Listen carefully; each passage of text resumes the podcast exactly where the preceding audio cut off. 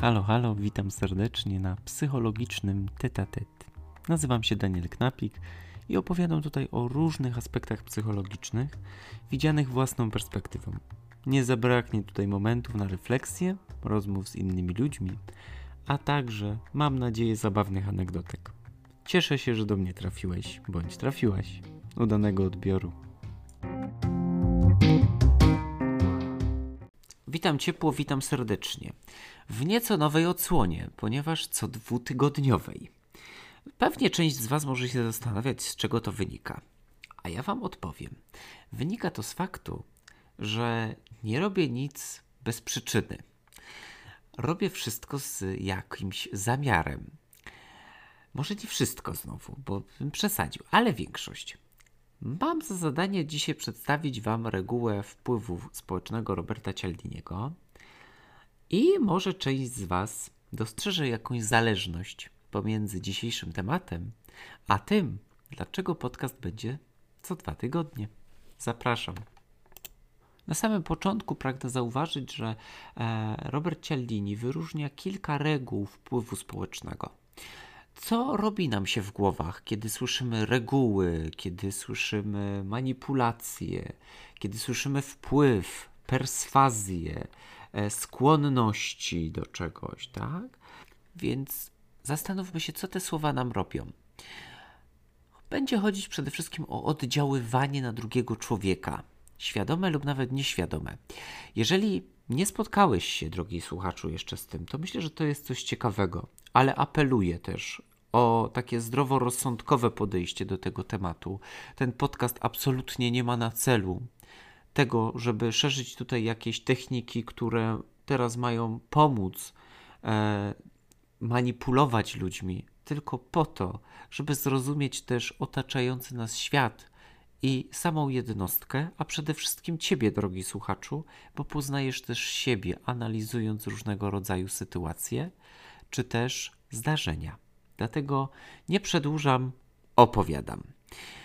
Robert Cialdini wydał piękną książkę, która nazywa się Wywieranie wpływu na ludzi, czyli teoria i praktyka.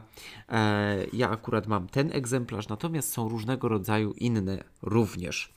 Z tej pozycji korzystałem e, i nadal korzystam w momencie, kiedy jest mi ona potrzebna, ale i nagrywając ten podcast. Do czego zmierzam? Powiem Państwu, a właściwie Wam powiem, a złapałem się, powiem Wam, że. Mm, Pamiętam jak dzisiaj, jak mieliśmy psychologię społeczną na zajęciach i nasza pani który, prowadząca powiedziała, e, że wykonajcie, e, wykonajcie takie zadanie i podała następującą treść. Napiszcie do mnie maila, w którym użyjecie maksymalnie e, tyle, ile potraficie metod wpływu Roberta Cialdiniego, wpływu społecznego, żeby przekonać mnie, żeby wam dała piątkę na koniec roku. Oczywiście to było ćwiczenie, tak? Ocena nie była uzależniona tylko i wyłącznie od tego maila, ku woli ścisłości. I ja pamiętam, jak dzisiaj e, pani prowadząca powiedziała, to to jest miód na serce, proszę państwa, takie lizusostwo, takie wysublimowane, mi powiedziała wtedy. I powiem wam, że ja pamiętam to jako właśnie coś dobrego, coś, co pozwoliło też zrozumieć mi, e, jak ważną rolę w życiu człowieka odgrywają dobre słowa, ale nie po to, żeby e, komuś było miło i z tyłu głowy mieć, że ja cię teraz wykorzystam, bo ja wiem, że tobie jest teraz przyjemnie, to mm, to ty będziesz podatniejszy albo podatniejsza na to, żebym ja ci teraz o coś poprosił lub poprosiła, tak? No więc dobrze, bo ja tutaj takie troszeczkę na początek trochę wycieczki było, a teraz już przechodzimy do meritum. Proszę bardzo. Pierwsza reguła to jest reguła wzajemności. Czego ona będzie dotyczyć? Już opowiadam. Powiem Państwu najlepiej na przykładzie, bo to będzie chyba takie najrozsądniejsze. Zresztą w tej książce jest bardzo wiele też tych przykładów. Bardzo polecam z życia różnego rodzaju osób. Niemniej jednak ja tu akurat posłużę się własnym przypadkiem, bo uważam, że on bardzo dobrze to oddaje. Proszę sobie wyobrazić wieczór e, przed kawiarnią, zima, e, bardzo oblodzone drogi. Solenizantka, która organizowała urodziny w kawiarni, e, stała przed kawiarnią i widziała, jak jedna z pań no, zakopała się w tym śniegu, nie umiała ruszyć, i gdzieś tam my powoli, jako jej przyjaciele, schodziliśmy schodziliśmy się i razem pomogliśmy tej pani. E, ja początkowo poszedłem po łopatę do tej kawiarni z prośbą, czy możemy pożyczyć, bo tutaj taka pani się zakopała. E, no i pomogliśmy tej pani. Z trudem spoceni do tej kawiarni, ale weszliśmy, udało się. I, i wiecie, i my niczego w zamian nie oczekiwaliśmy, tak? Gdzieś ta pani była przeogromnie wdzięczna. Naprawdę, naprawdę było cholernie ślisko. Nic, nic, nic nie szło ruszyć, gdzieś tam musieliśmy kopać, tak, żeby był e, praktycznie, e, praktycznie jakiś niższy, niższy spadek, żeby ona mogła ruszyć. Tak, popchnęliśmy ją i poszło. W każdym razie e, siedzimy w tej kawiarni, e, zamówiliśmy już sobie coś do picia i uwaga, uwaga, e, po, nie wiem, to gdzieś kwadrans był, kwadrans po, kwadrans po tym wydarzeniu, jak pomogliśmy tej pani, przyszła obsługa i powiedziała, że każdy z nas otrzymuje ciasto za, za pomoc tej pani. A my mówimy, ale my, my jak gdyby my niczego nie oczekiwaliśmy i tak dalej. I, a ta pani mówi, nie, nie, nie ma o czym mówić, ta pani to jest nasza pani, która piecze tutaj te ciasta, jest naszym e, głównym cukiernikiem, w związku z czym nie ma o czym mówić. Gdybyście jej nie pomogli, ona by nie dojechała do domu, byłaby gdzieś tam stratna, tam opowieści. Więc proszę popatrzeć, co się wydarzyło. My pomogliśmy, kobieta nie mogła na ten moment nic nam zaoferować, prawda? E, nie wiedziała, czy nas już kiedykolwiek spotka i co się podziało w, w jej ciele, tak? Co się podziało w jej umyśle. Kurczę, oni mi pomogli, tak sami od siebie, wszyscy razem popchnęli mnie, zrobili, a ja im no dziękuję, powiedziałem, to tak nie może być, nie? Ten wkład jest nierównomierny pomyślała pewnie. W związku z czym pewnie zadzwoniła do tej ka e, kawiarni, no i poinformowała, żeby e, pewnie nas jakoś opisała, żeby nam przynieśli ciasto. Na tym polega, moi drodzy, reguła wzajemności. Jeżeli ja dam komuś coś, to ten ktoś będzie chciał się w jakiś sposób zrewanżować mi, tak? E, to często zauważamy. E, zwróćcie sobie uwagę na takie codzienne czynności życia codziennego, tak? Dla przykładu jeszcze. Jeżeli e, weźmiemy pod uwagę takie życie codzienne, to, proszę bardzo, e, ludzie z darmowymi próbkami na przykład, tak, rozdają jakiś nowy produkt. No i co? No i wtedy patrzymy, mówimy, a szalnie skorzystać, prawda? To też zależy od kultury, bo jedna kultura będzie taka, że rzeczywiście powie, jejku, fajne i będziemy mieli takie poczucie, że dają nam produkt darmowy, w związku z czym chcemy się odpłacić i, i chce, chcielibyśmy jakoś ich tam wesprzeć, a z drugiej strony może być też tak, że powiemy, e, bardziej odezwie nas się w, w duszy, e, gdzieś w nas, może tak powiem, e, takie cwaniactwo, taka chęć uzyskania czegoś po prostu za darmo, tak? No więc właśnie, to też jest takie ciekawe. Albo na przykład jako organizacje jakieś pozarządowe są wspierane przez jakichś sponsorów, to one pewnie dbają o to, żeby zawsze w jakiś sposób podziękować, e, wysłać jakąś kartkę z podziękowaniami, prawda, z prośbą o dalsze wsparcie. No i najczęściej pojawia się ta tendencja do utrzymania tego, o ile tam jakieś warunki życiowe osoby, która jest sponsorem, nie utrudnia, e, nie utrudnia tego procesu. No więc tyle, jeżeli chodzi o taką wzajemność. Bardzo proszę też Was, zwracajcie uwagę na to, że e, teraz ktoś coś zrobi drobnego, to, a potem nas poprosi o jakąś wielką rzecz, e, żeby to było też takie równomierne. Oczywiście każda relacja będzie inna. Ja teraz nie mówię, że teraz każdy będzie chcieć gdzieś przekabacić kogoś na swoją stronę i manipulować kimś, tak?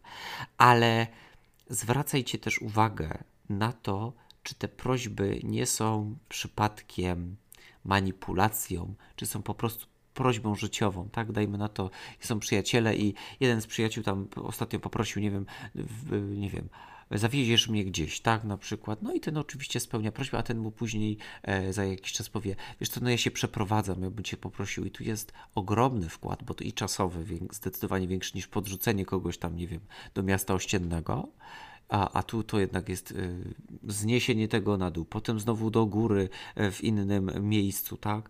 To, to jest ogromne, ogromne przedsięwzięcie. No i teraz pytanie, czy to jest jakiś tam y, pan Franek, jakiś, którego tam widzicie, pierwszego Juzia, czy, czy, czy ktoś bliski, tak? I wiecie, że możecie mu zaufać. Dlatego to też jest takie ważne w tych wszystkich zasadach. Dobra, lecimy dalej. Reguła zaangażowania i konsekwencji. Proszę Państwa, chcę z Was zapytać, czy lubicie ludzi konsekwentnych? Wiecie, że na pewno tak zrobią, są przewidywalni. Generalnie może to powodować trochę nudy. To nie jest dobre. Ale to temat na co na inny odcinek. Natomiast jeżeli osoba jest konsekwentna e, w danej rzeczy, to wiemy, że jest również bardzo często rzetelna. E, jedno idzie w drugim e, często w parze. Natomiast my bardzo cenimy sobie takie osoby, zwłaszcza w pracy, prawda? Jak dajmy na to, jeden ze współpracowników powie Daniel, ty się tym w ogóle nie stresuj, ja się tym zajmę. Przychodzimy do pracy i rzeczywiście jest to zrobione. Miło jesteśmy zaskoczeni, patrzymy na tego pracownika, dziękujemy mu też bardzo często. No dobrze, a załóżmy na chwilę, że to my jesteśmy tym pracownikiem, który pomógł koledze czy koleżance, tak? To my mamy takie poczucie, że zrobiliśmy coś dobrego, to jest raz, ale dwa, że jak ja się do czegoś zobowiążę, czyli daję ustną lub pisemną jakąś deklarację, że coś zrobię, to zaczynam pierwszy krok ku temu, żeby się w coś zaangażować.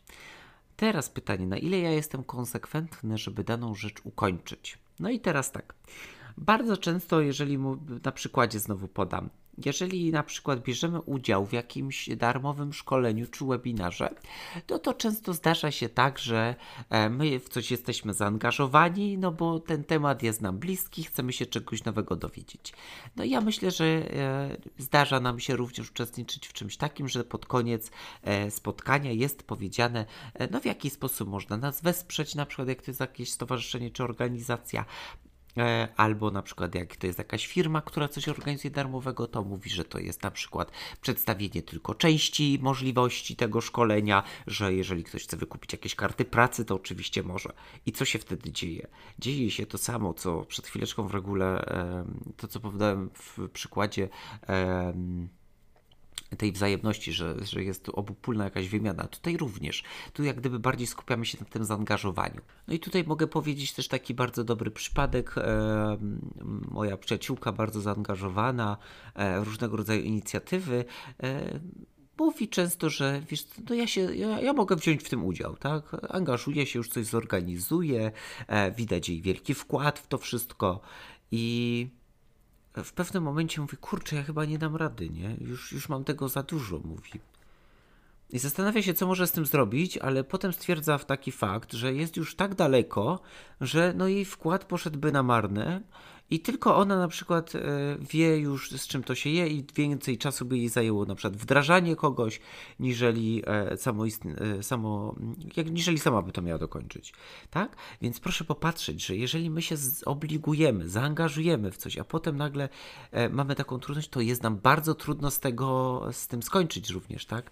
I tu znowu może być szef, który na przykład mm, nas tak ładnie zbajeruje, powie nam, że a taka, takie ładne pieniążki z tego będą i tak dalej, ale kosztem na pewno czasu, a czasami jest tak, że tego czasu po prostu nie ma.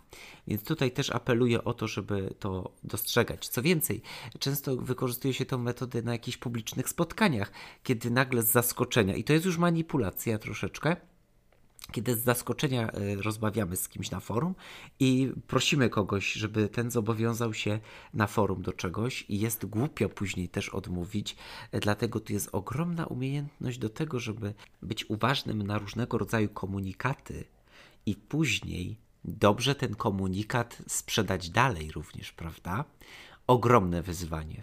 Dlatego jeżeli ktoś ma wysokie stanowisko, to pewnie nieraz się już też z taką sytuacją spotkał. Dobrze, nabieramy rozpędu, lecimy ze społecznym dowodem słuszności.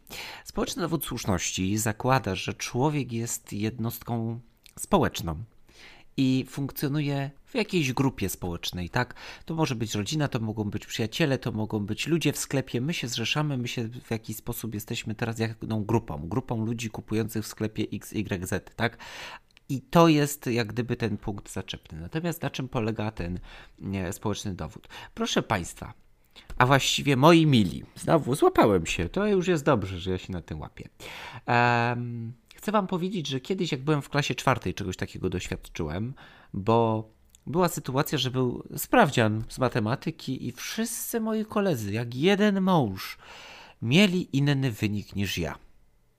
I ja jako ten młody, chyba dziesięciolatek, myślę sobie, no to ja mam na pewno źle, bo mi wyszło inaczej.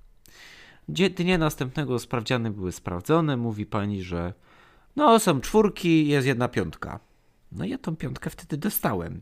Mimo, że się tego nie spodziewałem. Proszę popatrzeć, jak moje myślenie było wtedy e, ograniczone, tak? Że wszyscy mi powiedzieli, że to nie jest dobry wynik, że oni mają taki i oni byli przekonani, że oni mają dobrze. No tak się też często dzieje. W teleturniejach proszę popatrzeć, e, jak są jakieś koła ratunkowe, czy opinia publiczna, to bardzo często jest tak, że wybieramy tą odpowiedź, która jest e, najwyższej procentowo, tak? Dlaczego? Bo ulegamy temu wpływowi społecznemu, bo, bo my myślimy, że jeżeli większość tak mówi, no to to musi być dobrze. No i właśnie, często też należy spojrzeć na to nieco inaczej, zobaczyć na przykład. Wiem, że on bardzo rzadko się myli, na przykład znam go, tego człowieka. Rzadko się myli. Nie, nie chce mi się wierzyć, że oni mają rację, na przykład ludzie, których nie znam. Tak? No i tu możemy poddać jakiemuś rozważaniu tej, tej regule. Ale mimo wszystko myślę, że ten element, ta, ta reguła y, społecznego dowodu słuszności jest jasna i klarowna. Więc przejdziemy sobie dalej. Reguła lubienia i sympatii będzie skupiała naszą uwagę na osoby piękne również. Ale i na takie, które rzeczywiście lubimy. Proszę wyobrazić sobie następującą sytuację. Jest biuro, w którym pracuje określona ilość osób. Mamy jedną osobę, która jest szalenie ładna, szalenie piękna i mamy czasami poczucie, że tej osobie więcej uchodzi na sucho albo jest w stanie więcej ugrać. Myślę, że tak czasami mieliście. Niekoniecznie w firmie, ale ogólnie. Osoby atrakcyjniejsze mają to do siebie, że z automatu będą miały łatwiej właśnie z takimi rzeczami. Chyba, że ktoś jest w stanie nad tym zapanować i potrafi oddzielić piękno fizyczne od tego, jakim ktoś jest człowiekiem. Więc tutaj taki też apel o to, że jeżeli ktoś nam się podoba, to my byśmy przecież wszystko dla tej osoby zrobili prawda? Gdzieś zabiegamy o ten kontakt, chcemy nawet, żeby ta osoba nas o coś poprosiła. E, I reguła lubienia nie skupia się tylko i wyłącznie na atrakcyjności, skupia się również na częstotliwości danego kontaktu. No, najlepiej widać w pracy. Jeżeli na przykład jesteśmy w pracy i lubimy się ze sobą, no to gdzieś nie mamy problemów raczej z tym, żeby spełniać swoje wzajemne zachcianki, tak? Widzimy się na przykład od poniedziałku do piątku, czy tam, yy, czy tam na przykład, yy, nie wiem, parę razy nawet yy, w tygodniu, to to już jest dużo. Więc to również wpływa na to, że no, z automatu jednak są ludzie w pracy, który, z którymi się dobrze dogadujemy. Tam zawsze jest jakiś jeden Juzio, którego lubimy, nie? Czy tam Frania jakaś. No więc to tak działa. Żeby nie było, ja też te imiona tak wymyślam, Juzio, Frania, ale nie, absolutnie nie mam na zadanie kogoś obrazić. Po prostu ja tak mówię. Więc wracając, ta reguła pokazuje nam, że jeżeli kogoś lubimy, to łatwiej też będzie nam sprostać temu, żeby daną zachciankę spełnić. No bo jak kogoś lubimy, to nie chcemy tej relacji stracić, tak? E, gdzieś tam wiadomo, pojawia się tutaj wątek asertywności. No dobra, ale ja mogę powiedzieć nie. Oczywiście, jeżeli macie zdroworozsądkowe relacje, to nie będzie z tym problemu. No, więc też proszę o tym pamiętać, tak? E, ale kogo my jeszcze lubimy? To jest też bardzo istotne. My lubimy podobnych ludzi. Jeżeli właśnie pracujemy w jednej firmie, no to pracujemy w czymś, co oboje najprawdopodobniej lubimy. Tak? No to jest takie zdrowe, jeżeli pracujemy tam, gdzie lubimy. I wtedy jest najlepiej, bo wtedy możemy naprawdę gdzieś wytworzyć fajną aurę że możemy współpracować ze sobą. Podkreślam współpracować, nie manipulować sobą, że ja teraz e, lubimy się, mamy podobieństwo, jeszcze jestem atrakcyjny, to już w ogóle będę tutaj wymiatać. Nie, ale jeżeli ja na przykład jestem podcasterem i ktoś też jest podcastem, to ja automatycznie mogę się ucieszyć, bo wymienimy się doświadczeniami, prawda? Albo, albo ktoś na przykład również studiuje psychologię, tak? No ale tu już pytanie, jak człowiek ma podejście, no bo jeden powie to super fantastycznie, a drugi powie, no to jest konkurencja, no co ja się będę zadawać z konkurencją. No i takie mamy myślenie właśnie. No więc żebyście wiedzieli, na tym polega jedna z takich chyba najbardziej, e, moim zdaniem, e, namacalnych takich metod. To właśnie ta reguła sympatii i lubienia. Dobrze, przechodzimy dalej. Zasada autorytetu. W dzisiejszych czasach mam poczucie, że coraz rzadziej się z tym spotykam, że jak pracuję z młodzieżą, pytam ich, kto jest dla ciebie autorytetem, podają jakichś piosenkarzy, jakichś graczy, jakichś youtuberów. Nie oceniam, czy to jest dobre, czy złe, ale zastanawiam się nad tym. E, ponieważ jak pracowałem e, i nadal mam przyjemność pracowania z osobami starszymi, z seniorami, to tam całkiem jest inna ta definicja. I myślę, że to wynika też z pokoleniowości, ale zostawmy to. Jeżeli chodzi o autorytet, to jest przede wszystkim osoba, e, którą my za coś cenimy, my za coś ją bardzo serdecznie szanujemy. E, zwłaszcza, że gdzieś widzimy pewne również też często podobieństwa, bo chcielibyśmy być tacy jak on albo ona. Dążymy również do tego. A jeżeli mamy szansę też pracować z autorytetem, jeżeli mamy taką szansę, to jest to na pewno spełnienie jakichś marzeń, to jest podniesienie swoich kwalifikacji, umiejętności, to jest coś niebywałego. I często też bywało tak na przestrzeni lat, że autorytet wydawał różnego rodzaju polecenia, kiedy już na przykład nauczył, dał też coś od siebie, a więc już te poprzednie reguły wykorzystał wpływał również często negatywnie ten autorytet. Wy, w, te tak zwane pachołki, które uczyły się od autorytetu, zostały wykorzystywane. Wtedy należy sobie zadać pytanie, tak naprawdę, czy ja jestem w dobrym miejscu? Czy ta osoba rzeczywiście jest tym autorytetem? Jak często filmy i bajki pokazują, ja cię miałem za autorytet, a jak cię poznałem bliżej, to jest całkiem inaczej, prawda? Więc nie miejmy autorytety, czerpmy od siebie nawzajem, ale nie ulegajmy też ślepo w to, co autorytet też mówi. Dobrze. Ostatnia zasada, którą chcę omówić, jest zasada niedostępności. A tutaj posłużę się przykładem, który został podany w książce i tutaj zacytuję, proszę Państwa. Przyjrzyjmy się wynikom badania, w którym studenci Stanowego Uniwersytetu na Florydzie oceniali jakość jedzenia w stołówce uniwersyteckiej i uznali ją za niezadawalającą. Kiedy jednak podobną ankietę przeprowadzili 9 dni później, ich oceny nagle wzrosły. Co się w tym czasie stało? Nic, co miałoby związek z rzeczywistością jakością jedzenia. Ta pozostała bez zmian. Zmieniła się natomiast jego dostępność. W dniu drugiej ankiety studenci dowiedzieli się bowiem, że w stołówce był pożar, wskutek czego nie będą mogli w niej jadać posiłków przez następne dwa tygodnie. Proszę bardzo. Czyli co my tu mamy? Niedostępność. Dalej, jeżeli ja się dowiaduję na przykład, że coś jest, było częste, a teraz jest rzadsze, to staje się to cenniejsze. Bardzo często tak jest. E, jeżeli na przykład ja będę, mm, no nie wiem, prowadził jakieś. O, to jest świetny przykład. Spotkali się terapeuci, którzy uzgadniali terminy spotkań. Jeden z terapeutów powiedział, że w tym miesiącu może być tylko jeden raz w tygodniu. I wszyscy pozostali terapeuci zażartowali i mówią: O, to do ciebie będą tłumy się ustawiały. Przez kolejne miesiące to ty będziesz mieć full, bo ty będziesz niedostępny, czyli ty będziesz dobry, bo do ciebie będzie tylko jeden termin. Tak?